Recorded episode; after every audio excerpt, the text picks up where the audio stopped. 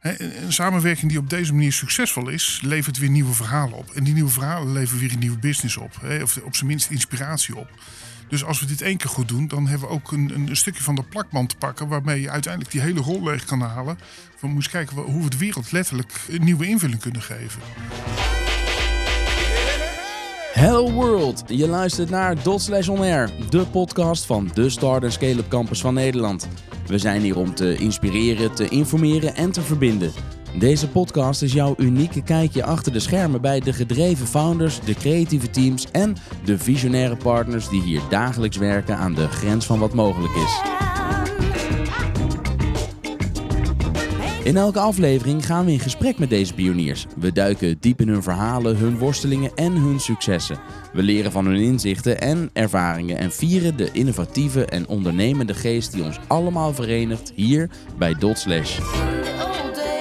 Dus of je nu een beginnende ondernemer bent, droomt van het starten van je eigen bedrijf of gewoon geïntrigeerd bent door de wervelende wereld van de startups en scale-ups, je bent op de juiste plek. Dit is Dot Slash On Air.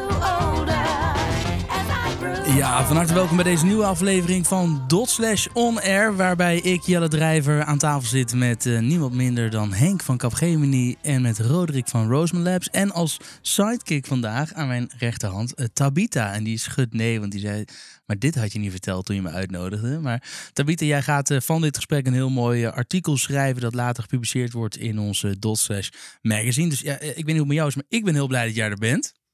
Oké, ik ook toch? ja, nou heel goed.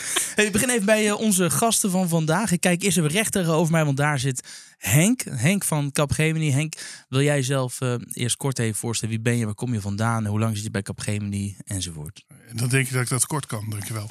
Uh, Henk Vermeulen, ik ben intussen alweer 54 jaar oud. Heb ooit eens een keertje bedrijfseconomie gestudeerd. Ben toen in die IT terechtgekomen bij Capgemini, ooit eens als developer...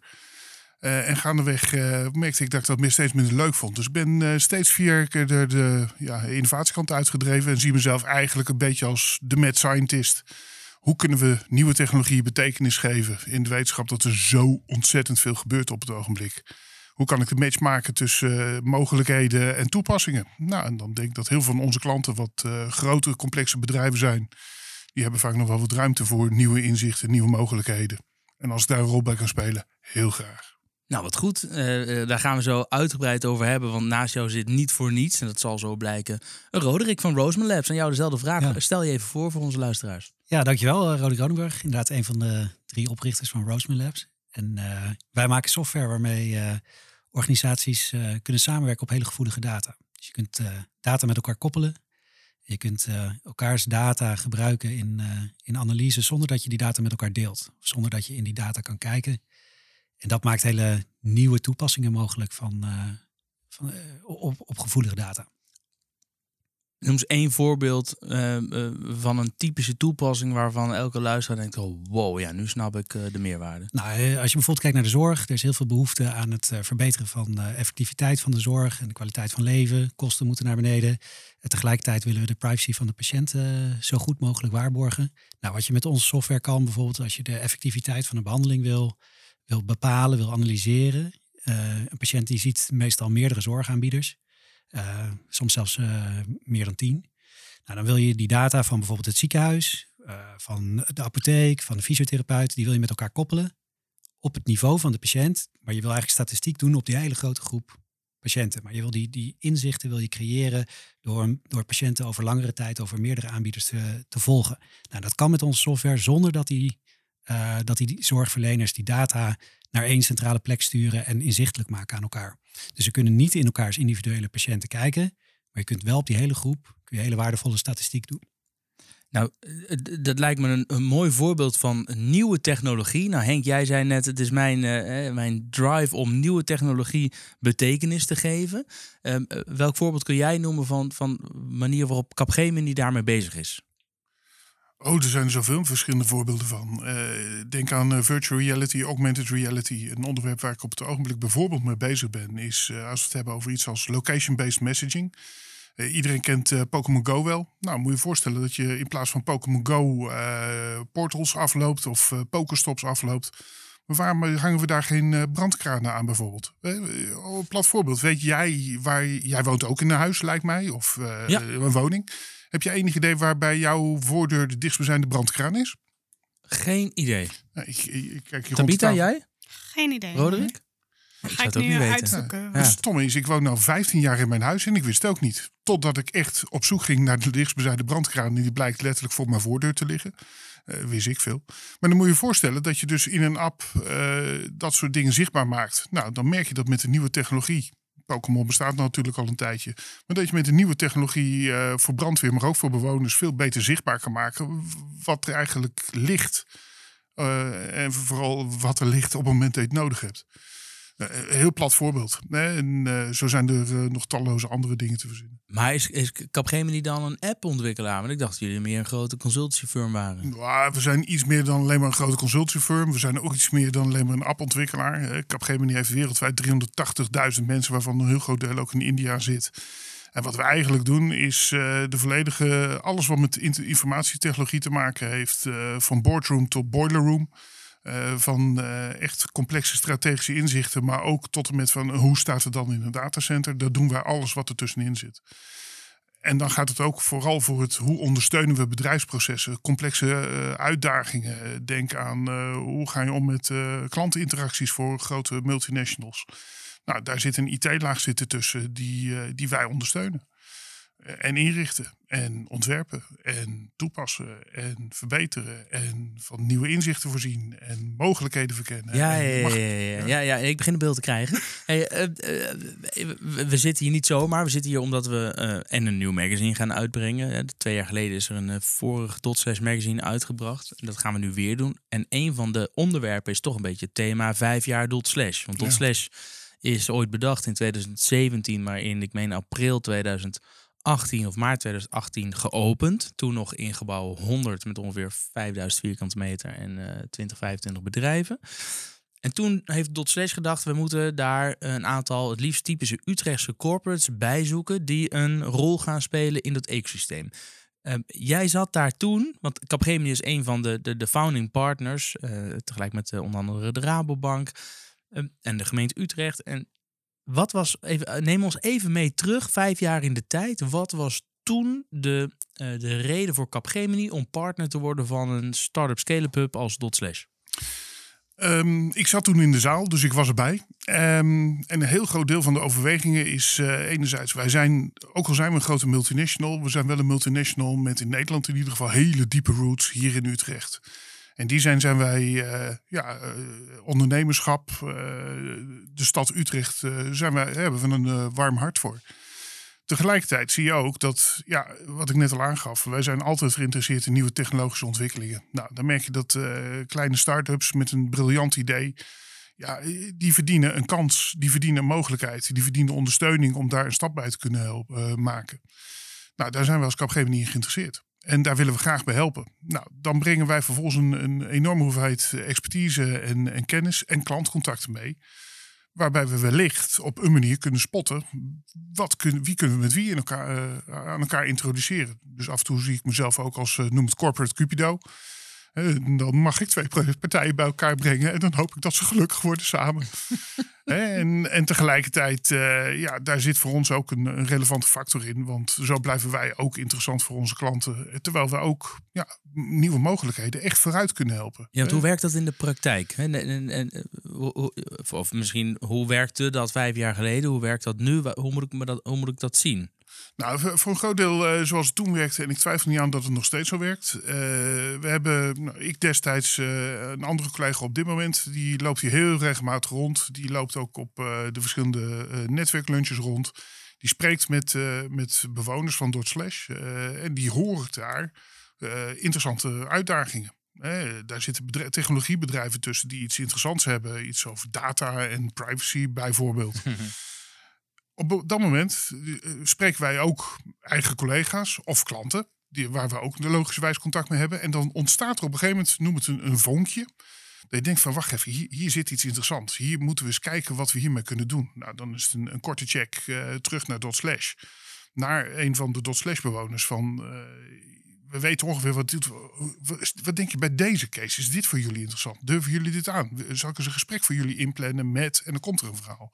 Nou, tegelijkertijd uh, zitten wij bij nou, een grote multinational of een grote rijksoverheidsinstelling. En dan komt die vraag van, ja, wij zien dat jullie bezig zijn met een aantal uitdagingen. Nou, hebben wij in ons partnernetwerk hebben wij een, eh, een start-up uh, zitten. Die zouden hier wel eens wat in kunnen betekenen. Zullen we eens een keertje een gesprek mee opzetten? Nou, dat gesprek komt dan tot stand. Heel veel gevallen, soms ook niet, in alle eerlijkheid. En in dat gesprek zie je dan wel een chemie ontstaan. En die chemie die kan ontzettend interessant zijn. Die chemie die kan betekenen dat er een, een proof of concept wordt uitgewerkt. Uh, of een, uh, een, een, andere vorm van experiment komt om een verkenning neer te zetten. Ja, en aan de hand daarvan kun je nieuwe plannen gaan maken. Nou, vervolgens hangt er vanaf. Uh, of het, de, de start-up, scale-up, de dot slash partner, of die groot genoeg is om met het tempo van een grote logge organisatie mee te zwemmen. Hè? Want het is niet ondenkbaar dat een, een start-up met, uh, nou zeg, uh, 30, 40 medewerkers, ja, dat communiceert wel wat anders. En een start-up met uh, geen eigen juridische zakenafdeling moet dan in één keer in gesprek met een enorm leger aan juristen van een grote organisatie. Ja, hoe, hoe zorg je ervoor dat dat gesprek wel eerlijk plaatsvindt? Ja. Nou, dat zijn allemaal dingen ja. waar wij als Capgemini in kunnen faciliteren, in kunnen ondersteunen. Ja, want jullie hebben dat leger aan juristen, hè? Nou, dat zo, zover zou ik ook niet gaan, maar we hebben voldoende mensen die wel dat gesprek kunnen voeren. Om ook uh, wat potentieel wel heel intimiderend kan zijn. Want als je vijf advocaten tegenover krijgt, ja, uh, moet je toch redelijk sterk in je schoenen staan als, als start-up uh, oprichter. Dat, dat je dat gesprek volwaardig kan voeren. Nou, ja. daar kunnen wij bij helpen. Daar hebben wij accountmanagers voor. Daar hebben we ook uh, de relaties uh, voor om dat gesprek eerlijk te houden. Ja. Nou hebben we bij Dotslash meerdere partners. Eén keer per maand hebben we een partneroverleg. Dus sowieso die partners, wat je al zei, die zijn bij de events, bij de lunches, bij op heel veel momenten. En we bellen ze ook regelmatig en zitten in een appgroep enzovoort. Maar we hebben ook één keer per maand hebben we een partneroverleg waarbij alle partners bij elkaar komen. En wij zijn er dan ook bij. En dan nemen we altijd even de stand uh, in Startup Land door. Wat speelt er? Wat zien jullie? Um, wat zijn cases die jij bijvoorbeeld bij jouw achterban voorbij ziet komen? Welke uitdagingen horen wij? Of welke kansen? Enzovoort.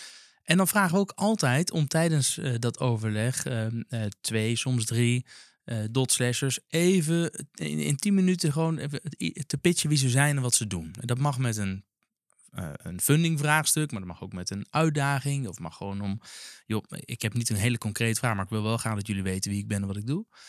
En tijdens een van die overleggen hebben wij gevraagd of Roseman Labs, uh, een van de dotslashers die volgens mij inmiddels al drie keer intern verhuisd is in een jaar tijd of zo, omdat jullie, jullie gaan goed, daarover later meer. Jullie waren bij een van die partneroverleg aanwezig en hebben daar jullie verhaal gedaan. En daar was ook toen Chris van Capgemini bij aanwezig. Neem eens even mee, hoe is dit allemaal tot stand gekomen? Ja, uh, mijn collega Jan die, uh, die had een hele mooie pitch gegeven. Jan is onze head of product. En uh, die kan eigenlijk nog veel beter uitleggen dan wat we doen dan ik, zo langzamerhand. Maar kijk, het mooie was denk ik in, in, in, um, in die meeting is wat Henk eigenlijk al zegt. Hè, je zoekt voortdurend naar partners. En zeker een bedrijf als het onze. Wij zetten eigenlijk samenwerking op tussen verschillende partijen. Of nog beter, er is al samenwerking aan de gang. Maar mensen zien dat ze elkaars data niet kunnen verkrijgen. Of niet met elkaar zouden willen delen. Of dat het ongewenst is. Um, en dan probeer je dat te faciliteren. Um, en als start-up, je, je bent relatief klein. Je hebt, je hebt uh, minder slagkracht. Dus het bouwen van een netwerk kost relatief veel tijd. En als je partners ontmoet, en er zijn uh, dit soort meetings, maar ook de netwerklunches, de, eigenlijk de hele community rondom .slash is daar heel waardevol in. Dat je veel sneller eigenlijk je netwerk kan uitbreiden en ook kan zien van, uh, je kunt met iedereen koffie gaan drinken, maar uiteindelijk wil je ook koffie drinken met de mensen voor wie je iets kan doen of die iets voor jou kunnen doen. Um, en, en dat helpt heel erg. Ja, en wij proberen dat zoveel mogelijk te cureren ook. Hè? Dus door die we zetten heel veel koffiedates op tussen ja. dotslashes onderling, maar ook met partners. Maar er was een moment dat wij dachten, het is misschien wel interessant om jullie eens een keer met Capgemini nog verder te laten ja. doorpraten met een kop koffie erbij. Ja. En toen kwam naar voren dat er bij Capgemini een van jullie klanten, een grote, ik weet niet of ik de naam mogen noemen, maar een, een grote overheidsinstelling, mag ik het dan zo noemen? Weet jij dat? Is dat geheim? Is het... Uh... Houden nou, we het op overheidsinstelling? Of ja, ik, ik, zeg dat zelf nooit, omdat ik dat inderdaad altijd laat aan degene die, die de... Doen we een grote ja, overheidsinstelling ja. en daar was een uitdaging. En dit was zo'n moment dat Chris van Capgemini met zijn team dacht... nou, dit zou misschien wel eens iets kunnen zijn waar wij ja. iets kunnen doen samen met een dot slasher. En ze hebben jullie toen naar voren geschoven? Hoe, hoe, hoe- ik ben benieuwd hoe dat dan gaat in de praktijk. Wij doen de aanzet, maar wij zijn dan niet bij dat gesprek tussen jullie en KAP en die grote overheidsinstelling. Nee, klopt. Nee, de- en dat gesprek heeft ook nog niet plaatsgevonden. Maar heel snel viel het kwartje van, weet je, daar, daar leeft een, eh, een datavraagstuk, privacy. Iedereen wil een bepaalde analyse doen. Die bestaat uit het combineren van gegevens van verschillende overheden.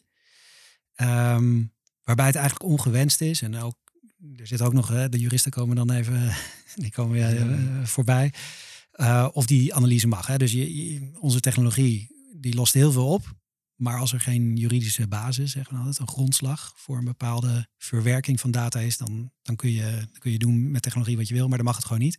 Dus dat is altijd de eerste vraag.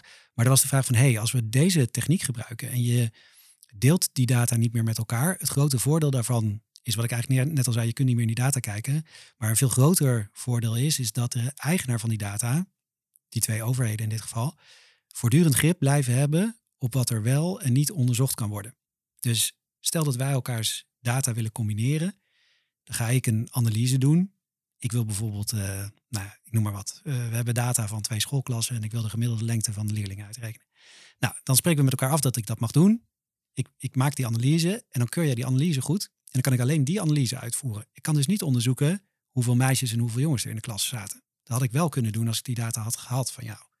Nou, en, en dat kwartje viel snel van in deze case zou het best wel zo kunnen zijn als je deze nieuwe techniek gebruikt, dat je dan wel die analyses kan doen die eigenlijk ongewenst zijn, omdat het ongewenst is om al die data met elkaar te gaan lopen delen.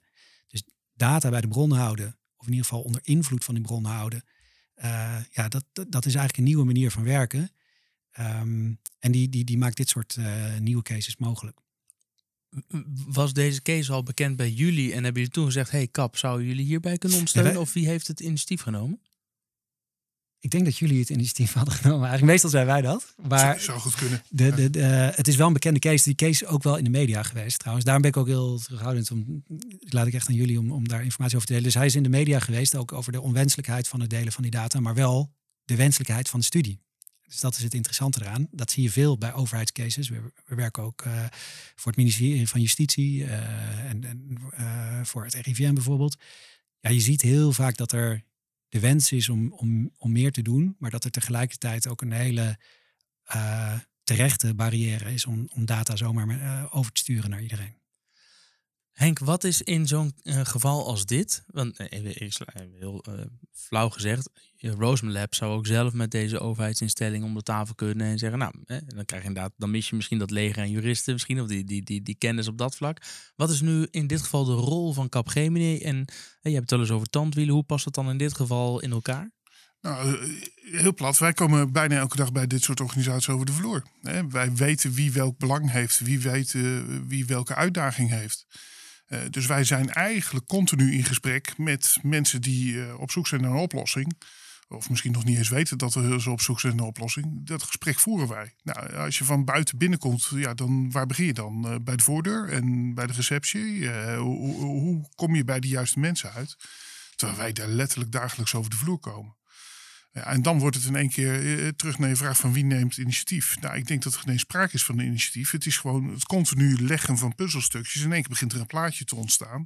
En dat plaatje is logisch. En met dat logische plaatje kan je dan vervolgens een gesprek voeren. Wat leidt tot een vervolg. En daar zijn, doordat wij dat gesprek altijd weer hebben en wij snappen wat die bedrijfsprocessen betekenen, bet- snappen wij dus ook de betekenis van de oplossing. Nou, en die betekenis, door die goed te kunnen vertalen, goed te kunnen positioneren, denk ik dat wij eh, ja, de, de schroefjes en de moertjes, om het even plat te Ja. slaan, omdat we die, die betekenis kunnen geven in woorden eh, en processen en doelstellingen die de, onze klant dan ook begrijpt. En ik denk dat dat bij uitstek is waar wij heel erg goed in zijn. Ja, en ik denk inderdaad, hè, het is die weg naar wie kan je eigenlijk helpen om, om je product dan te verkopen bij zo'n enorme instelling als het, als het voor ons inderdaad is. Ehm, maar ook het stukje domeinkennis. Dus techniek is bijna nooit het probleem. Als, we, als, je, als mensen eenmaal geloven van nou ja, die techniek die kunnen we gebruiken, dan, dan is die techniek het probleem niet meer. Maar wel de domeinkennis die je nodig hebt om die techniek op de juiste manier in te zetten in die betreffende organisatie. En dan helpt het ontzettend om dat met een partner te doen. Nou, is jullie case nog in volle gang, maar er zijn ook voorbeelden. Ik ben, eh, eh, een maand geleden hadden we dat partneroverleg eh, bij jullie op kantoor. En toen zag ik daar een hele rits aan lokkers. En op elke lokker zat een A4 met een voorbeeld van zo'n soort project. Waarbij er dus eigenlijk een Capgemini en nog twee partijen in een project zaten. Ik heb geen idee of jij die wand met lokkers kent. En als ik jou nu vraag naar welk, welk, kun je een, welk voorbeeld kun je geven van een case die mooi is afgerond. Of ik dan bij jou aan het juiste adres ben. Eh, ik weet niet of daar- je hier een beetje Hier mee overval je me een beetje mee. Eh, ik ken die wand met lokkers. Sterker nog, ik heb hem ooit zelfs een keertje gecreëerd. En wat daar staan zijn eigenlijk eh, de uitdagingen die wij gaan kijken hoe we dat met technologie aan kunnen pakken. Hè, voor een deel gebeurt dat met, met dingen die we 100% zelf maken. Het wel altijd met een, een, een, een van onze klanten op zijn minst in het achterhoofd. Ehm, daar zitten prototypes zitten tussen van eh, wederom, hoe geef je technologie betekenis? En betekenis heeft altijd een context. Hè? Een technologie zonder betekenis is een gadget. Nou, ontzettend leuk, je kan ermee spelen, maar, maar wat doet het nou echt? Je moet altijd op zoek naar de betekenis. Nou, zo is in het verleden hebben we ook nog wel eens een keertje, eh, intussen geen tot slash bewoner meer geloof ik, eh, hebben wij gewerkt eh, aan een, een soort van enquêteoplossing. Waarbij we op enig moment gingen vragen: waar ben je nu mee bezig? Hoe zit je in je vel? Wat voor, wat voor, hoe, hoe verloopt je dag? Met die technologie konden we op een gegeven moment ook binnen wederom een complexe rijksoverheidsinstelling in gaan inventariseren hoe de tijdsbesteding in elkaar zat van, van mensen die eigenlijk niet kan vragen van joh, ga er eens voor zitten, maak eens een lijstje. Nee, nou konden we met een, een slimme app gewoon near real-time vragen. Goh, vertel eens, wat doe je nu? Enzovoort. Nou, dat is eh, voor zover ik weet een heel groot succes geworden. eh, zowel voor Capgemini als onze klant, maar ook voor de dot slash die er toen bij zat. Ja. Volgens mij, eh, Today's Mood heb je Was het over. hè? Today's Mood, ja, ja, Today's ja, Mood. En, en, de, en de, dit eh, is al eerder gepubliceerd. De, de klant was ehm, eh, ProRail, als ik me niet vergis. Dus één. Hè? Dus eh, eh, als je daar meer over wil weten, volgens mij hebben we dit ook in het vorige magazine zelfs als case eh, eh, aangehaald. En Dots, eh, Today's Mood zit nog wel degelijk bij Oh, Dots. die moet zijn iets gedownside in corona, maar daarna weer vol gas groter dan ooit, sterker dan ooit teruggekomen. Dus die zitten er gelukkig nog steeds. Maar dat is een mooi voorbeeld. Waar ik dan wel benieuwd naar ben, is what's in it for you? En what's in it for you? En what's in it for de, ehm, eh, de overheidsinstelling? Als ik even naar jullie case kijk. Wie, wie verdient hier nou op welke manier aan? Is er echt een win-win-win voor alle drie de partijen? En hoe, Ja. hoe gaat dat dan? Ja, naar mijn inzicht is het absoluut een win-win-win voor alle drie de partijen. Hè. En, eh, onze klant krijgt een, een aantal mogelijkheden die ze voorheen niet konden hadden. In het geval van, van privacy eh, gaat het echt ook over zekerheid. In een tijd dat privacy echt steeds belangrijker wordt, eh, dat een, stuk van vertrouwelijkheid ook echt gewaarborgd is. Nou, dat is in Rijksoverheidswereld denk ik eh, essentieel op dit moment. Eh, voor ons zit er een absolute win in dat wij, eh, nou eerlijk gezegd, wij verdienen er ongetwijfeld ook geld aan, laten we eerlijk wezen. En met tegelijkertijd helpen wij ook onze klant om die stap te kunnen zetten. Dus dat betekent dat aan, aan consultancywaarde voegen wij daar onmiddellijk heel erg veel aan toe. Onze klant wordt beter dankzij het advies wat wij geven, dankzij deze introductie die we geven. Dat, dat heeft waarde. Nou ja, wat voor jullie Ja. eh, de waarde is, mag je zelf. Nee, ja, kijk, wij leveren het liefst de software. En we leveren ook, eh doen veel in de zorg, we leveren ook een heel stuk expertise eromheen. We hebben zelfs een arts in dienst eh, die, die Python developer is. Dus, eh, heel, eh, heel mooi. Ehm, maar het liefst lever je vooral de software. En dan is het fantastisch. Je ben je veel schaalbaarder als, als je partner eigenlijk de begeleiding daarbij levert. Dus dat is echt een win-win. Ja, dus de Capgemini in dit geval heeft de klant al en doet de introductie, maakt, ik sla, het doet even heel plat, en maakt eigenlijk goede sier met het feit dat ze zeggen, maar wij zijn partner bij een dot en daar kennen we heel veel startups en scalers. Er zit er één tussen die misschien wel een oplossing heeft voor jouw uitdaging. Zullen we een keer om de tafel? Dat is, hè, dat is al fijn. Jullie regelen die introductie. Ja, ja, ja ik zie je bij je. oh, ik vind het woord goede sier vind ik wat. ja, eh, dat is plat, flauw. Maar, eh, nee, dat had ik gezegd. Hè. Ik Ja. maak het even heel plat. Ja, nee, dankjewel. Ja, dat doe ik dan ook. Ja, nee, maar, hè, dus, maar dat, dat is fijn. Dus jullie helpen jullie klant door die introductie. eh, eh, maar dat is al jullie klant. En nou ja, als het allemaal succesvol is, dan houden, houden jullie daar straks eh, ook een hele mooie Ja. klant aan over. Absoluut. Hè? Dus eh, op het moment dat je software levert en die software blijft gebruikt worden, dan is dat voor ons natuurlijk fantastisch mooi. Maar dat komt dan dus niet in een joint venture met een Capgemini en een... Hè, Dat kan, dat hoeft niet. Dat kan. Eh, wat, wat ik al zei, in sommige gevallen is de introductie is alles wat erin zit. Dat kan. Hè, dan hoop ik dat ze gelukkig worden samen. Maar daar hebben wij, ja, daar hebben wij relatief weinig aan. Anders dan, nou, laat dat dan goede sier heten. Hè, dat wij eh, misschien nog eens een keertje dankbaar worden aangekeken van dank voor de introductie. Hè, dat kan. Het kan ook zijn dat er een joint venture komt. eh, het kan zijn dat er een, eh, groot complex co- project komt. Waar wij de consultie, maar ook een deel van de integratie, developers leveren. En wat ik al aangaf, hè, boiler room tot, tot en met boardroom. Eh, Dat betekent wel dat ook als er een organisatie een, eh, een aantal transformaties door moet gaan, ja, dat ondersteunen wij natuurlijk ook heel graag. Eh zijn we goed in. Dus dat betekent eigenlijk dat, om te vergelijken met een, een, een dieselmotor, hè, de Dodge Slasher levert de dieselmotor aan. En wij plaatsen hem in een, eh, in een vrachtauto of in een uh, mammoetanker of in een cruiseschip, zodat onze klant daarmee het proces kan doen wat zij ze zoeken. En of dat dan is eh, met een vrachtauto pakjesbezorger of het is met een mammoetanker. eh, nou, laten we niet maar olie doen. Dat is, die tijd is een beetje voorbij, vind ik. Hè, cruiseschip ook een slecht voorbeeld misschien. Dieselmotor misschien ook niet per se, Ja, maar ja, ik ja. snap, ik vind het wel een mooie beeldspraak. Dus eh, eh, eh, dus, dus waar het om gaat is dat wij geven betekenis aan, aan, aan een technologie. Waar de technologie essentieel is om die betekenis überhaupt neer te kunnen zetten. Nou, en die betekenis is wat onze klant nodig heeft om ook hun rol in de Nederlandse samenleving, in hun eh aandeelhoudersbelangen, om dat efficiënt, effectief en eh, nou, hoop ik ook sustainable te doen. is dat ook leuk? Ik vind het fucking, ja, ja ik vind Mag het allemaal leuk. Ja? Ja. Ja, ik, vind het, ik vind het heerlijk. Ja. ja. Ja. Eh, eh, nog iets wat ik niet gevraagd heb over de samenwerking tussen Capgemini, waarvan je zegt dan zitten we hier en dan vraag je dat niet? Ehm, nee, ik, eh, ik denk wat, wat mooi is in samenwerking is dat je uiteindelijk telkens weer opnieuw chemie krijgt, omdat je iets nieuws aan het creëren bent. En ik denk dat dat, dat is in dit geval ook zo. Je, je ziet echt van, eh, je doet iets baanbrekends. Dat, dat, dat is deels wat de technologie mogelijk maakt, maar die combinatie van die twee, eh, dat geeft gewoon heel veel energie. Dat is wel mooi. Ja, ik voeg er graag nog wat aan toe. Hè? Want zoals je misschien al gemerkt hebt, ik mag met plezier verhalen vertellen. Hè, Een samenwerking die op deze manier succesvol is, levert weer nieuwe verhalen op. En die nieuwe verhalen leveren weer een nieuwe business op. Hè? Of op zijn minst inspiratie op. Dus als we dit één keer goed doen, dan hebben we ook een, een, stukje van de plakband te pakken. Waarmee je uiteindelijk die hele rol leeg kan halen. Van moest kijken hoe we de wereld letterlijk eh, een, nieuw, nieuwe invulling kunnen geven. Eén keer is, is de eerste keer. En hopelijk eh, bij succes komen er nog vele, vele andere keren aan toe. En is het de ene keer eh, met de ene dot slasher, dan is de volgende keer met de andere dot slasher. Er zitten geen verliezers in dat spel. Als het me eerlijk gebeurt. Nou, ik denk dat wij daar overal over het algemeen gewoon eerlijk mee omgaan. Want als je het niet doet, dan, vraagt niemand het je meer. Want dat is, vertrouw me, kan je maar één keer verliezen. Nou, en ik denk dat ik daar namens een grote van de Capgemini-organisatie in ieder geval spreek, is dat wij dat wel heel belangrijk vinden. Oké. Een bruggetje naar eh, vijf jaar dot slash. Eh, Henk, jij bent vijf jaar geleden er- erbij gekomen. Ik vind het echt onwijs leuk dat jij nu hier aan tafel zit om ook even terug te blikken. Maar ook te kijken waar staan we nu en, eh, en, en eh, wat is er gebeurd in die, in die tussentijd. Maar ik ben ook benieuwd, Roderick, hoe jij dat ziet. Want jij zit hier nu als een jaar, Iets meer dan een jaar, Ja. Ja. Hoe is het om een dot slasher te zijn? Ja, dat is super mooi. Ik denk voor ons, wij zijn ooit geboren in Breda. Ehm, en dat is wat minder. Ik vind het altijd heel centraal Breda, als je België meerekent.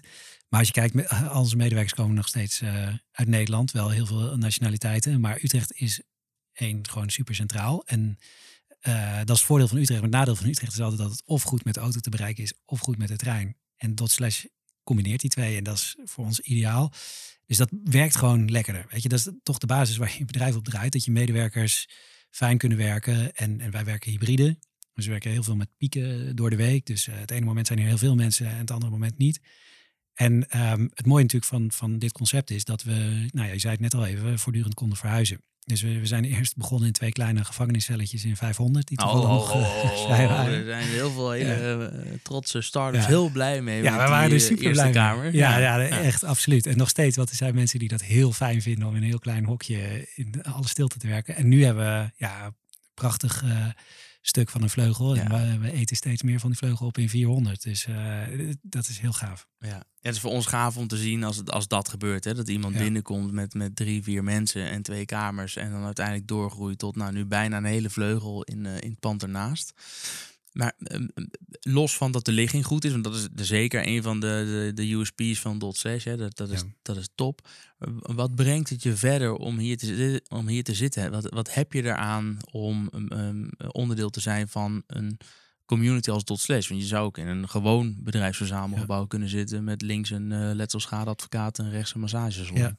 Nee, ik denk voor ieder bedrijf en, en zeker ook voor een start-up is het heel belangrijk dat je eh, de buitenwereld naar binnen haalt.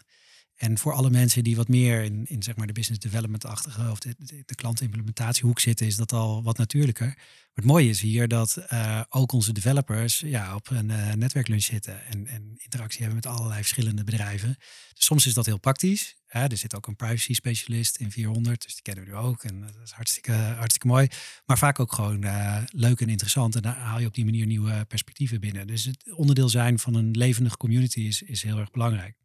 Roderick, jullie hebben nu inmiddels, we hadden het al over, je bent begonnen met eh, twee kantoortjes in eh, eh, gebouw 500. eh, inmiddels bijna een hele vleugel. Jullie zijn nu met hoeveel mensen? 25. 25 man in echt een hele korte tijd. Ja. Niet normaal.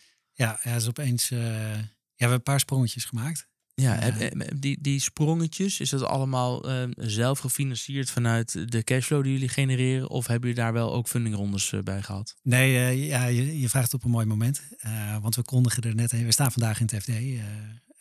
met onze seedronde van 4 miljoen die we hebben opgehaald. Oh. Dus dat is super mooi. Super mooi nieuws.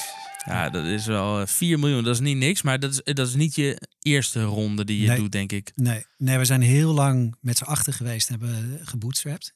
En eh, ja, Ja, ja, daar is hij dan Ja. toch nog even. Ja, gebootstrapped. eh, ja, nee, vertel even, eh, wat houdt dat in? Ja, nee, het is- het betekent dat je eigenlijk met eigen middelen, eh, deels dat omzet van je klanten, deels gewoon eigen geld. En vooral bij ons eh, grootste factor was eh, weinig salaris. Dus we hebben drie founders en de eerste medewerkers hebben allemaal eh, eh, flinke aandelen. Eh, dus eh, we hebben een aantal specialisten bij elkaar. En we maken complexe cryptografie, wat, wat eh, niet zo heel veel mensen kunnen. Dus we hebben een aantal specialisten gezegd jongens, weet je, we weten nu wat we gaan bouwen. Doe je mee?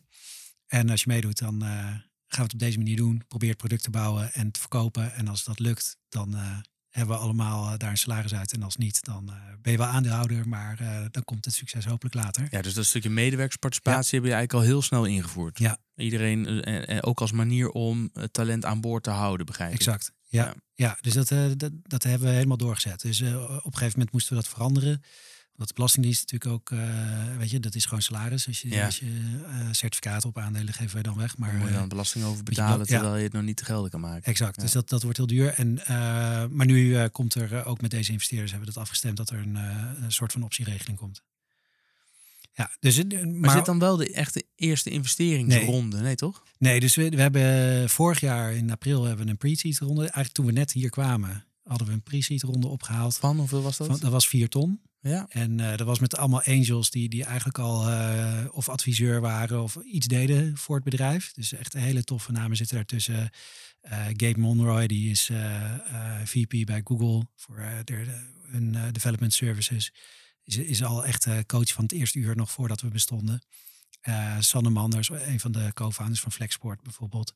Ehm, dus hele, ja, hele hands-on mensen. Ja. En, Smart eh, capital noemen ja. ze het ook wel. Absoluut. Ja, dus eh, eh, dat, dat was super fijn. Ehm, maar op een gegeven moment zagen we van oké, weet je, we hebben nu een basisproduct. Dat hadden we geïmplementeerd bij, bij de eerste klanten. Ja, als je dat wil schalen, dan moet je echt een flink veel steviger team hebben. Klanten gaan vragen om certificeringen, code audits. Je moet een bepaalde technische basis hebben, maar ook SLA's kunnen leveren. Ja, dan heb je een veel sterker team nodig. En eh, dus we hebben eerst een trapje gemaakt van die acht naar eh, iets meer dan, dan, dan 12 mensen. En eh, ja, toen kwam eigenlijk pas de groeispurt. Dus begin dit jaar was eigenlijk denk ik daar het uitdagendst. Dus toen groeide het team snel. Moesten we eigenlijk van de, de losse start-up cultuur hadden we opeens een soort processen nodig. Vond iedereen heel vervelend. Nu vindt iedereen het heel fijn. Heb je daar bekende methodes geïntroduceerd? De, de, de, de, van Traction, eh, EO, eh, EOS van eh, Gene Wickman. Mhm. Je hebt eh, de, de Scaling Up van Vern Harnish. Zijn er dit Ja. soort methodes die jullie gebruiken? Ja, het is, je, je pakt eigenlijk uit al die de- methodes pak je wat dingen die bij jou passen. Eh, Ik denk, niet dat er één perfecte methode is, maar je, je kijkt naar eh, wat past er bij jou als bedrijf en wat werkt er goed. En eh, daar itereer je op om te zorgen dat je dat steeds beter maakt. Ja. Nu 4 miljoen opgehaald. Dat is eh, niet niks. Hoe gaat zo'n traject? Be- Betekent dat dat jij daar dan het afgelopen half jaar gewoon dag in dag uit eigenlijk alleen maar daarmee bezig bent? Ja, eigenlijk wel. Ja? Als, als ik heel eerlijk ben, het was, eh, we zijn in eh, januari begonnen met, met eh, funding ophalen. En dat hadden we eigenlijk bijna in april rond. Toen toch weer niet. Vooral ook door eigen keuzes. Ehm, maar kwamen er ook achter dat we misschien ook naar verkeerde investeerders keken. Althans, de investeerders. De uitdaging voor ons bedrijf is niet de techniek meer, maar veel meer de commercialisatie naar de markt brengen. Dus we zochten een investeerder die daar goed bij paste. En dat heeft wel, eh, ja, dan heb je gewoon veel gesprekken om, om erachter te komen wie dat is. Dus jullie waren bijna rond met een investeerder die een vergelijkbaar bedrag wilde investeren. Ja, was wel minder hoor, maar. En uiteindelijk hebben jullie toch besloten, met elkaar in elk geval, om, ja. Ja. om dat toch niet te doen. Dan ben je eigenlijk opnieuw op zoek gegaan? Of had je al Ja. een, een soort plan B on the side, wat uiteindelijk plan A werd? Nee, Wauw. dat, dat was echt een, eh, dat was een eh, tof bed, eh, zeg maar. Ja. Ja. dat lijkt me een lastige beslissing om te nemen. Hoe, hoe, hoe werkt dat? Ga je steek je dan met alle aandeelhouders koppen bij elkaar en Ja. met je team en zeggen wat gaan we doen? Of win je ook wel extern advies in daarbij? Ja, nee, de, de- nou, kijk naar de Angels. Daar zit toevallig ook, eh eh, Inge Hoes bijvoorbeeld ook een, eh, een Angels, een, een M&A-advocaat. Dus dat is iemand die ook gewoon heel waardevol advies kan geven. Ehm, maar eigenlijk veel meer van, van meer de operator Angels, zoals Sanne, die, die heeft ons goed advies gegeven. Maar ook van een van de investeerders die toen al een toe, toezegging had gedaan, MP Hart, die, die meegedaan heeft nu in de, in de ronde. Van jongens, weet je, we willen het anders doen. We hebben gewoon die vraag voorgelegd. En ehm, eh, een aantal andere angels die instapten, hebben ook die vraag voorgelegd. En die waren heel supportive. Dus op het moment dat mensen tegen je zeggen van joh, eh, het klopt, je, je, je- plan wordt beter als je, als je van richting verandert. En we supporten je daarin en eh, we zorgen ook dat er geld is. Want ja, weet je, zonder geld houdt het allemaal uiteindelijk toch op. Met eh, zoveel medewerkers kun je het zelf niet meer financieren. En daar komt bij dat we. kijk, wa- wat je vaak ziet is dat op het moment dat als je het geld opgehaald hebt en je gaat dan je nieuwe medewerkers zoeken, dan duurt het veel langer voordat het geld gaat renderen. Dus wij waren ook al gewoon begonnen om een team op te schalen. All met in. het idee van die ronde die komt. En die, we hadden ook wel best wel wat zekerheden hoor, van, van mensen die zeiden we gaan sowieso investeren. Alleen we hadden nog niet dit soort investeerders die we nu hebben. We hebben twee Duitse deep tech eh, fondsen aangesloten. Ja, dat is gewoon heel gaaf. Die, die passen ontzettend goed bij ons. En ehm, eh, bieden ons ook een route naar de, naar de Duitse markt. Lijkt me wel heel spannend dat je op een gegeven moment zo ver bent al, een serieus bedrag kan ophalen, al mensen aan het aannemen bent, het moet eigenlijk gebeuren.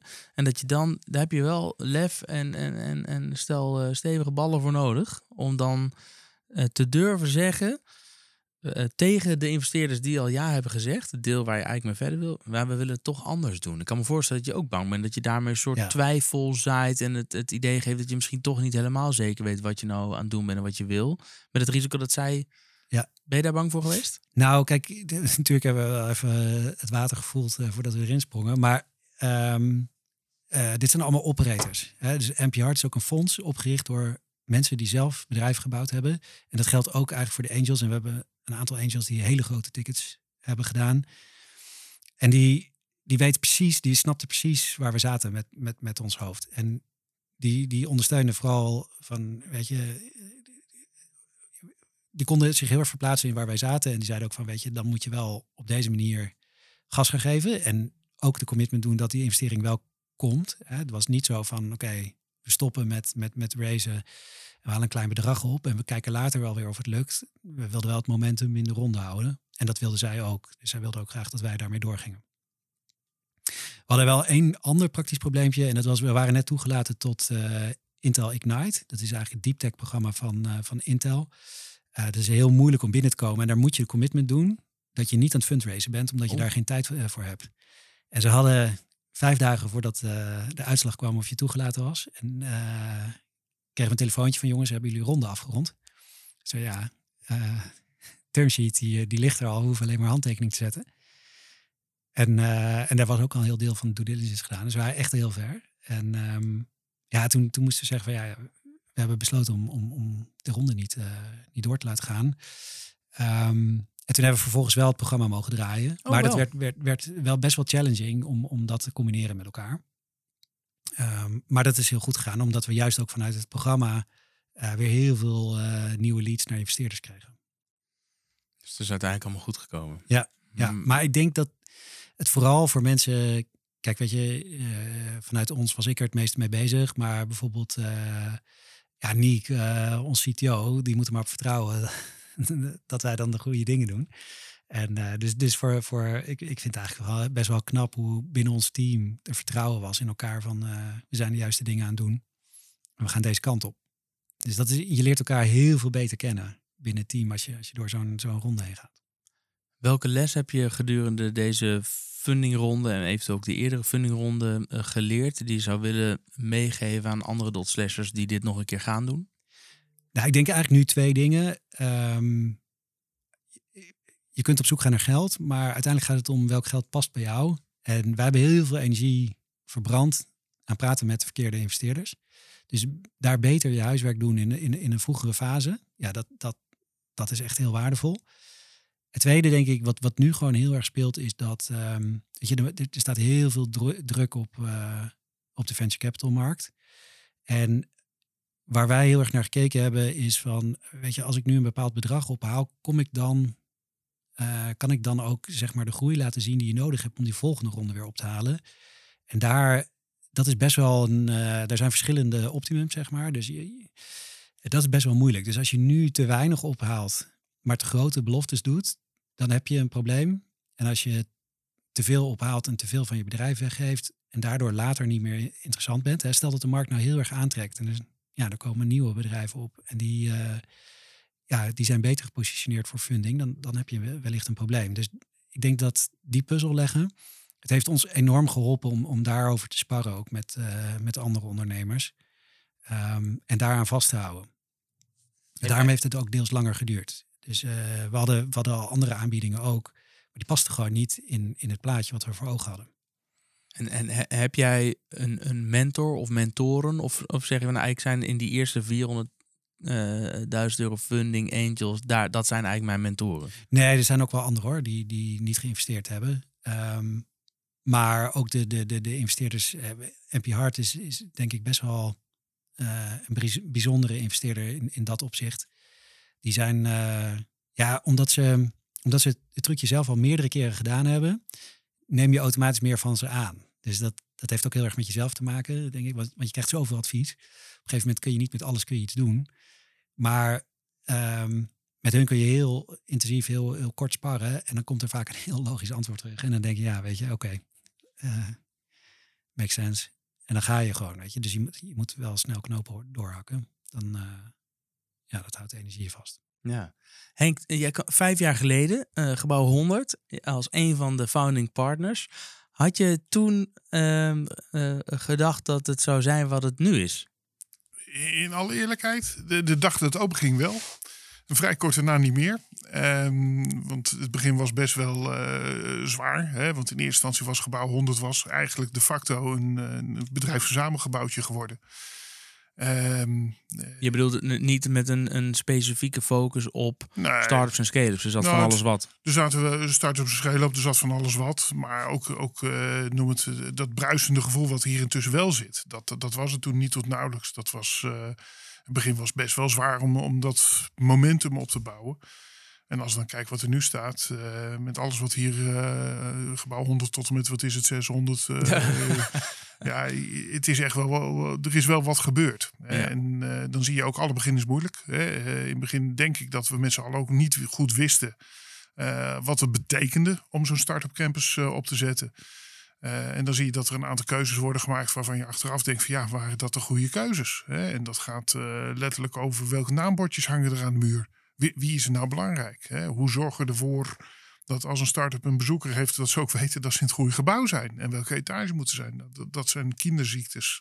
Lijkt wel een start-up. Het lijkt wel een start-up. Ja, ja, ja. Begin met een, met een, met een goede met oplossing voor een, uh, voor een probleem dat je hebt uh, gedetecteerd ja. in de markt. Namelijk, er ontbreekt een logische landingsplaats voor start-ups na de incubatiefase. We hebben in Utrecht een waanzinnige incubator, Utrecht Inc. En je hebt een Dutch Game Garden en je had Holland Startup toen de tijd.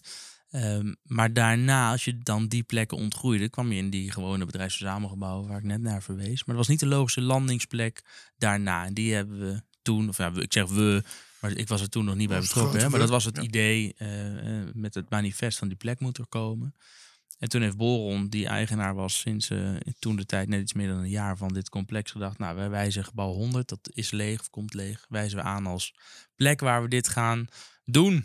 En dan ga je het gewoon doen. Ja, dan kom je net als bij een bedrijf eh, aldoende tegen dingen aan die anders moeten, beter moeten. En dan ga je shapen en dan ga je een paar keer op je bek. En, maar uiteindelijk, eh, nou, ja, ik, ik ben in elk geval wel trots. ik heb het een jaar later ben ik erin gekomen. Ik ben wel trots op wat, het, wat het nu is en waar het nu staat.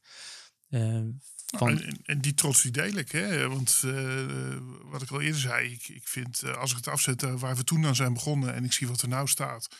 Nou, daar schaam ik me niet voor hoor. Ik, dit is echt wel iets om er trots op te mogen zijn. kun je met trots de naam Capgemini nog aan verbinden. Ja, zonder meer. Zonder- Nou, Heb. Jelle, heb jij jezelf ook opnieuw moeten uitvinden met corona dan? Weet je? Wat, wat dacht je? Was je bang dat die dip... Want we werken nu anders dan voor corona. Dus Ja. heb je daarmee Ja. ook het concept aangepast? Of, of Mm, met name dat momentum, zeg maar. Het lijkt me zo moeilijk om momentum te houden. En Ja, dat, dat, ehm, dat communitygevoel heeft toen een enorme deuk gekregen. En dat, dat hebben Ja. we na corona echt weer helemaal, ja, bijna weer helemaal opnieuw leven in moeten blazen. Kijk, de groep eh, met, met, eh, die hier was, het aantal dot slashers eh, na corona was natuurlijk al groter dan toen we ooit begonnen. Dus er waren meer mensen die wisten hoe het zou kunnen zijn. Ja. En dat scheelt. Dus- En er waren heel veel mensen die eh, toen corona op een gegeven moment wat meer achter ons kwam te liggen, wel weer terug verlangden naar dat communitygevoel. En weer toffe dingen doen met elkaar en elkaar weer ontmoeten. En, maar heel typisch voorbeeld vind ik nog steeds dat vlak voor corona hadden we denk ik elke week ongeveer 20 man die dan meededen aan de bootcamp. Soms al 25 en een enkeling 30 keer, eh, 30 man tijdens de, de, de bootcamp. Nou ja, als we eh, nu be- beginnen we weer echt, als we nu zijn, denk ik een man of 12, weer 13. En, eh, dat, dat moeten we echt weer helemaal opnieuw gaan groeien. Een netwerklunch is nu weer heel druk bezet. Daar hebben we echt opnieuw weer leven in moeten blazen. Hebben we echt weer dat het weer in het, opnieuw in het systeem kwam ook bij mensen. Van, oh ja, dat is wel heel tof. Elke twee weken op de donderdag in de even weeknummers kan je gratis lunchen bij Dot Slash als je onderdeel uitmaakt van het ecosysteem. Dus ook overigens als je niet bij Dot Slash zit, ben je welkom. Hè? Dus iedereen in Utrecht die iets met startups en scale-ups doet, mag daar naartoe. Ja. En gratis meelunchen. Ik heb wel van maart 2020 tot en met de zomervakantie ongeveer met mijn billen bij elkaar gezeten. Omdat ik ehm, eh, op een gegeven moment, eh, en daar leer je als ondernemer ook weer heel van, maar op een gegeven moment went het bijna dat je gewoon meerdere keren per week, of eigenlijk bijna wel per dag, leads in je mailbox hebt van mensen die op zoek zijn naar kantoorruimte en kijken of dat bij Dot Slash kan. Of dat de telefoon rinkelt, hey, eh, eh, hebben jullie plek, krijgen jullie nog plek? En dat was echt gewoon van de een op de andere dag, maar dat Ja. zal denk ik voor heel, eh, gok voor jullie niet heel anders geweest zijn toen. Dat ineens stopte dat, was het helemaal stil, flatline. Nou, toen kwam ook nog de lockdown en dan, ja, dan zat ik hier wel eens toch, omdat ik hier dan moest zijn, want eh, in mijn eentje op dit complex uit het raam te kijken. En eh, dan dacht ik natuurlijk ook, ja, fuck. Ja, en dan hoor je ook nog op het journaal en de mensen, iedereen praat elkaar dan ook na op zo'n moment. Ja, wij gaan nooit meer naar kantoor. Hè, dus dat is, eh, ja, dat vond ik, natuurlijk vond ik dat spannend. Dus, eh, ehm, maar ik merk ook nu dat eh, wat er echt veranderd is, is dat, wat jij ook zegt, we, we werken wat meer hybride. En eh, zeker, we hebben natuurlijk veel techbedrijven of bedrijven met een techcomponent bij Dotslash, dus veel developers. We zien dat heel veel developers het heel fijn vinden om één of meerdere dagen per week gewoon thuis te werken, waar ze zichzelf kunnen Ja. opsluiten, full focus, gewoon kunnen programmeren zonder afleiding. Maar we zien ook dat heel veel mensen het fijn vinden om naar kantoor toe te komen en onderdeel uit te maken van een groep. We zijn toch kuddedieren. Uh, dus um, dat zien we zowel binnen de bedrijven, dat mensen gewoon heel graag wel een aantal dagen ook wel bij elkaar op kantoor zitten om feeling te houden met elkaar. En je, um, aan het begin van corona riep iedereen, we kunnen echt alles via Teams en Google Meet en Zoom, et cetera. En we hebben allemaal geleerd dat er heel veel meer kan dan dat we daarvoor dachten. Dus ja. dat is echt uh, heel positief. Maar er zijn ook heel veel dingen die niet kunnen via Google Meet. En uh, dus ik, ik, uh, als ik een kopje koffie ga halen, en, en, zo plat en simpel is het gewoon. En ik zie dan een collega of een andere ondernemer bij dit koffiezetapparaat staan en die, die kijkt een beetje sip. Ja, dat zie ik niet als we allemaal thuis werken. Ja. Of iemand is juist heel blij en je kan daar even mee in gesprek gaan. Dus ehm, dus we gaan nooit meer naar kantoor, dat geloof ik niet. Dus inmiddels heb ik daar Nee. ook echt wel weer vertrouwen in dat we ook ehm, eh, dat er nog steeds echt plek is en blijft voor een eh, concept als dot slash. Eh, we zijn met z'n allen corona echt wel heel goed doorgekomen. Dus de dot slashers hebben zich gedurende de hele pandemie echt heel ehm, ehm, sterk bewezen. Dus er zijn echt maar he- echt heel weinig bedrijven die überhaupt om steun hebben gevraagd. En als ze het nodig hadden en dat konden aantonen, hebben we ook die steun gegeven. Er zijn al helemaal weinig bedrijven die het niet gered hebben in coronatijd. En in alle eerlijkheid denk ik dat de meeste daarvan het zonder de pandemie ook ja, eigenlijk misschien ook niet gered zouden Ja. hebben. Ja, dat, is ook, dat hoort ook bij start-ups en scale-ups, dat er af en toe bedrijven het niet redden helaas. Dus nou ja, heb ik mezelf echt opnieuw moeten uitvinden.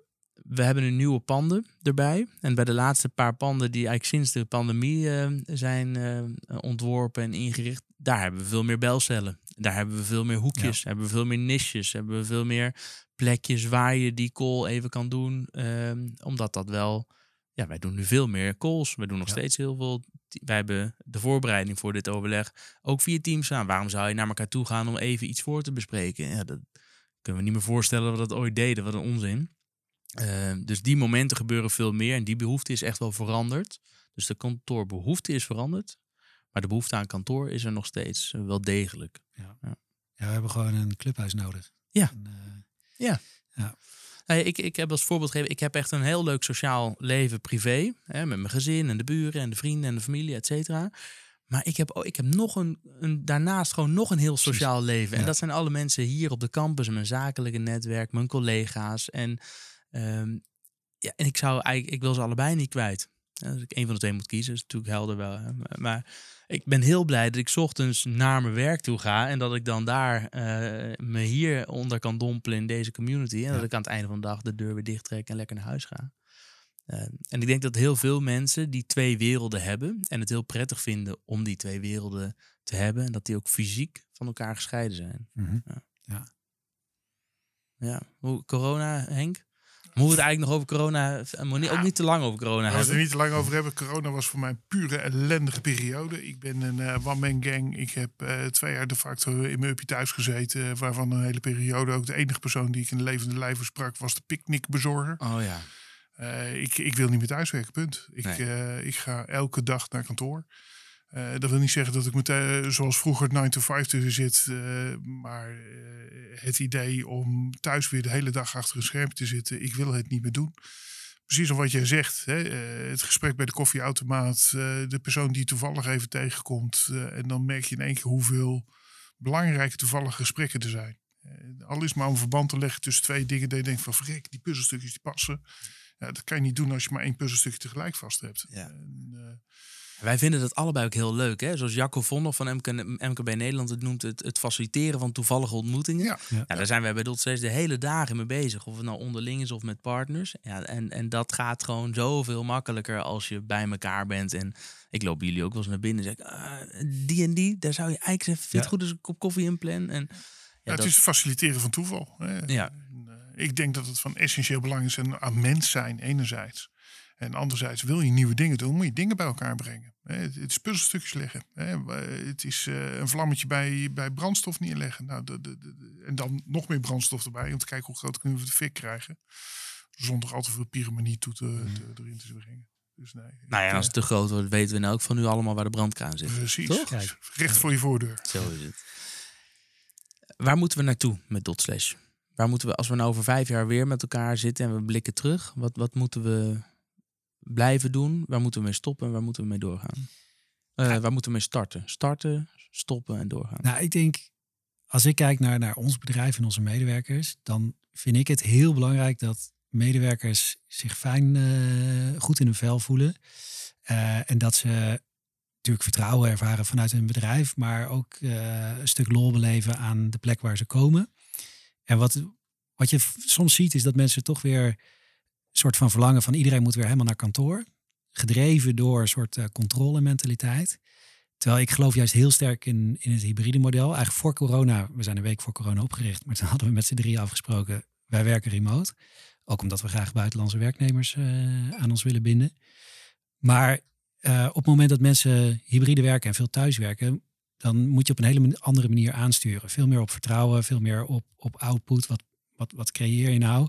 Ehm, en wat presteer je nou? En eh, niet iemand die van 9 tot 5 op kantoor is en dan eh, het vinkje zet en naar huis gaat. En dat betekent dat als je dus ja, veel losser aanstuurt en veel meer kijkt naar wat, bereik je, dat er ook veel meer vrijheid en ruimte ontstaat. Dat als je op kantoor bent, dat je dus niet van 9 tot 5 zit te rammen achter dat eh, keyboard. Maar dat je juist die ontmoetingen aangaat.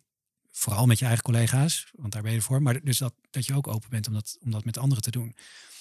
En dat leren werken en dat op een andere manier aansturen van teams. Volgens mij kunnen we daar, en daar kunnen jullie misschien ook nog wel een rol in spelen. Van, eh, hoe, hoe doe je dat nou op een andere manier met je mensen omgaan als je niet meer stuurt op een 9 tot 5 mentaliteit, maar eh, op, op dat vertrouwen en, en voldoening uit je werk.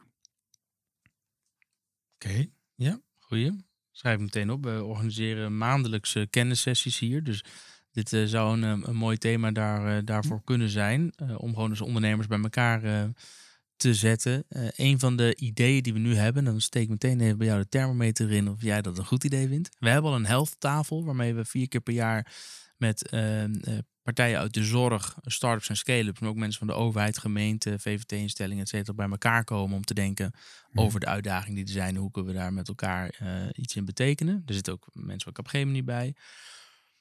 Maar dat willen we ook gaan doen op het vlak van HR. Dat is natuurlijk een heel breed thema. Ja. Maar er zijn heel veel thema's die aan HR vastzitten. Waarbij we willen faciliteren dat ondernemers elkaar daar kunnen ontmoeten. En dat daar ook experts komen om te praten over cultuur bouwen. Over medewerkersparticipatie. Over eh, nou, eh, andere manier van aansturen als je hybride werkt. Dat zou, ehm, dus als wij zo'n HR-tafel zouden creëren, vier keer per jaar een ontmoeting, wij betalen, nou ja, ik heb geen manier indirect.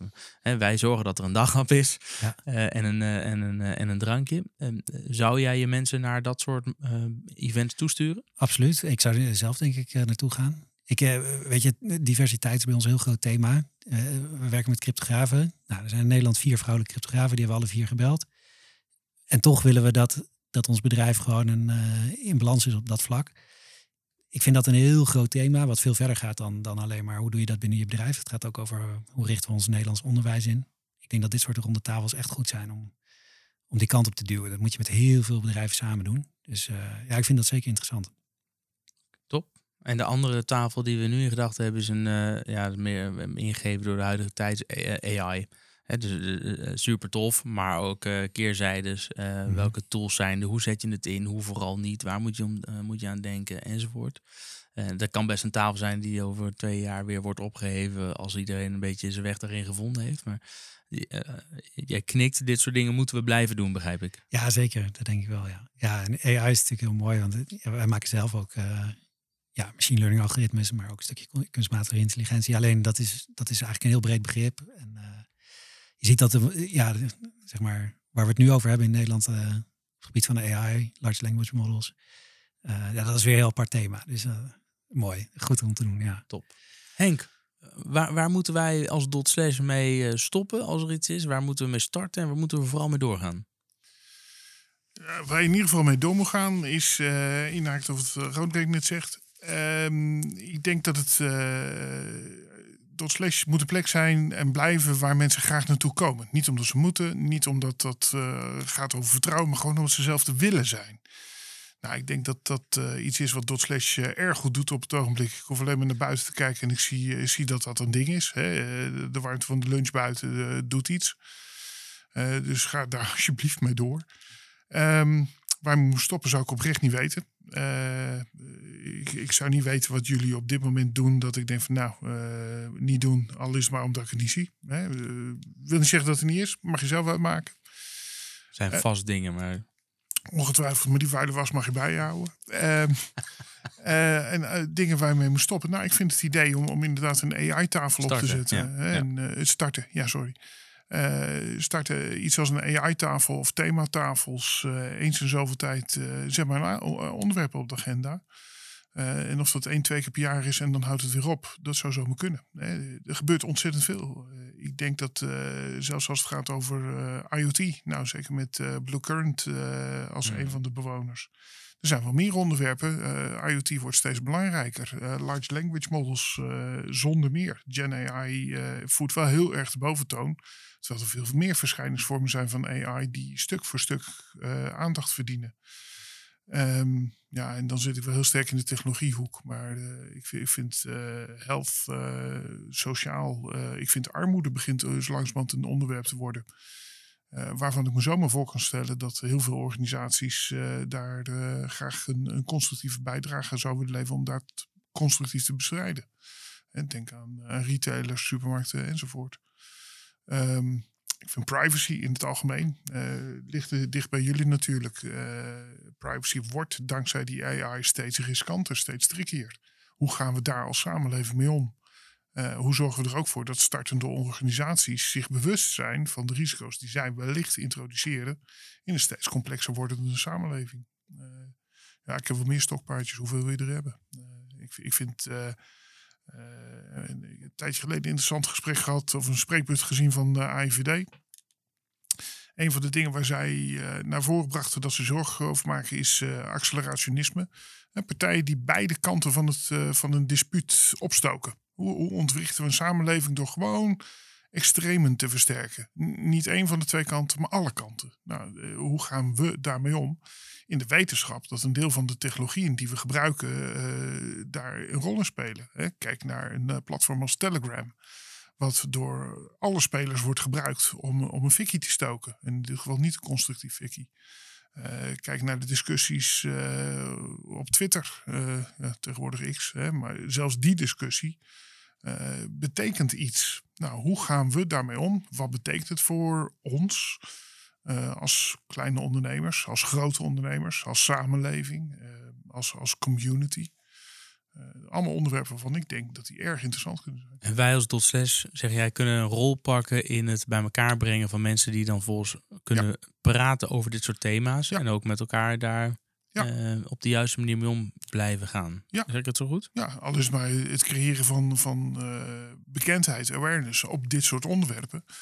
Zodat je, ik denk dat het, het engste wat je op het ogenblik kan hebben is een enthousiaste technologie gepassioneerde persoon die iets bouwt waarvan je later de geest niet meer in de fles krijgt. Ja, zoals Sam Altman, de ontwikkelaar ja. van OpenAI, dat eigenlijk nu al aangeeft. Hè? Ja. en ook eigenlijk al vanaf moment één, en nu eigenlijk dat hij dat vanaf moment één was, hij zich bewust van ik, ik kan hier mogelijk of een zeer waarschijnlijk een monster creëren. Maar als ik het nou ga doen, dan kunnen we in elk geval uh, daar bewust naar kijken en ook zorgen dat we op tijd alle gevaren. Uh, ja. Als je het niet kan benoemen, kan je het niet bespreken. En als je het niet kan bespreken, kan je het ook niet managen. kan je het niet beheersen. Dus laten we het op zijn minst woorden geven. En met elkaar ook uitleggen wat die woorden betekenen. Om dan vervolgens dat gesprek ook te kunnen vormen. Uh, en dan ieders voor zich zijn eigen beslissingen te nemen over hoe hiermee om te gaan. Nou, dat geldt voor een veelheid van onderwerpen. Ja. Uh, zoals ik net een lijstje noem. Ja. En Capgemini kan denk ik bij heel veel van deze onderwerpen wel weer ook een, een, expert of een specialist of iemand aanleveren die mogelijk een rol kan spelen tijdens zo'n bijeenkomst om daar wat meer over te vertellen of die discussie te faciliteren. Ja, en is dat niet vanuit Capgemini, dus misschien wel weer van een van onze klantenkringen. Hè? Want dat is ook de rol die ik denk die wij hebben. Enerzijds het introduceren van, van start-ups bij grote organisaties, maar ook de andere kant op, grote organisaties bij de start-ups. Het is, het is geen eenrichtingsverkeer. Nou, en dan zijn wij uh, de, de, grote, ja, komt hij toch weer, hè, de corporate cupid. Hoe, hoe brengen we mensen met elkaar in contact? En zien we dat er ontstaat. Ja. Roderick, ben jij blij dat uh, die, deze corporate cupid uh, zijn, zijn liefdespijlen op een gegeven moment op Roseman Labs heeft gericht? Nee, dat is natuurlijk hartstikke fijn, zeker als er concreet iets uitkomt. liefde is leuk, maar er moet ook resultaat komen. Ja. ja, heel goed. Ik kijk even naar de rest. Tabita, heb jij nog vragen, dingen die je verder uitgediept wil hebben om uh, dit te kunnen verwerken tot een mooi artikel? Nee. Nee?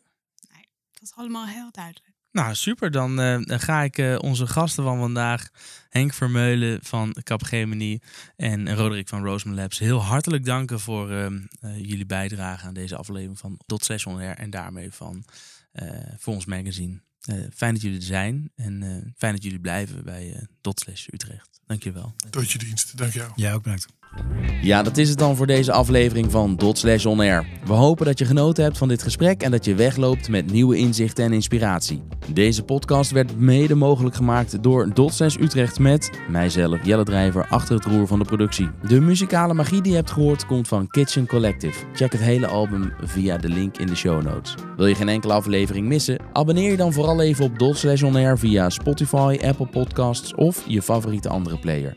Een review op Apple Podcasts of een aanbeveling op de socials wordt enorm gewaardeerd. Daarmee help je ons om nog meer mensen te bereiken.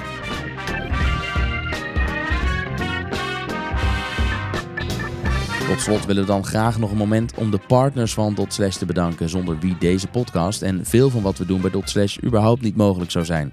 Daar komen ze in willekeurige volgorde. De Rabobank, Deloitte, Capgemini, Gemeente Utrecht, NL Groeit, Philadelphia Zorg, ROM Utrecht Region, SAV, Boron Management, Green Real Estate en Peper in je pand. Bedankt voor het luisteren en vergeet niet om in te tunen voor de volgende aflevering. Graag tot dan. Tot de volgende Dot Air.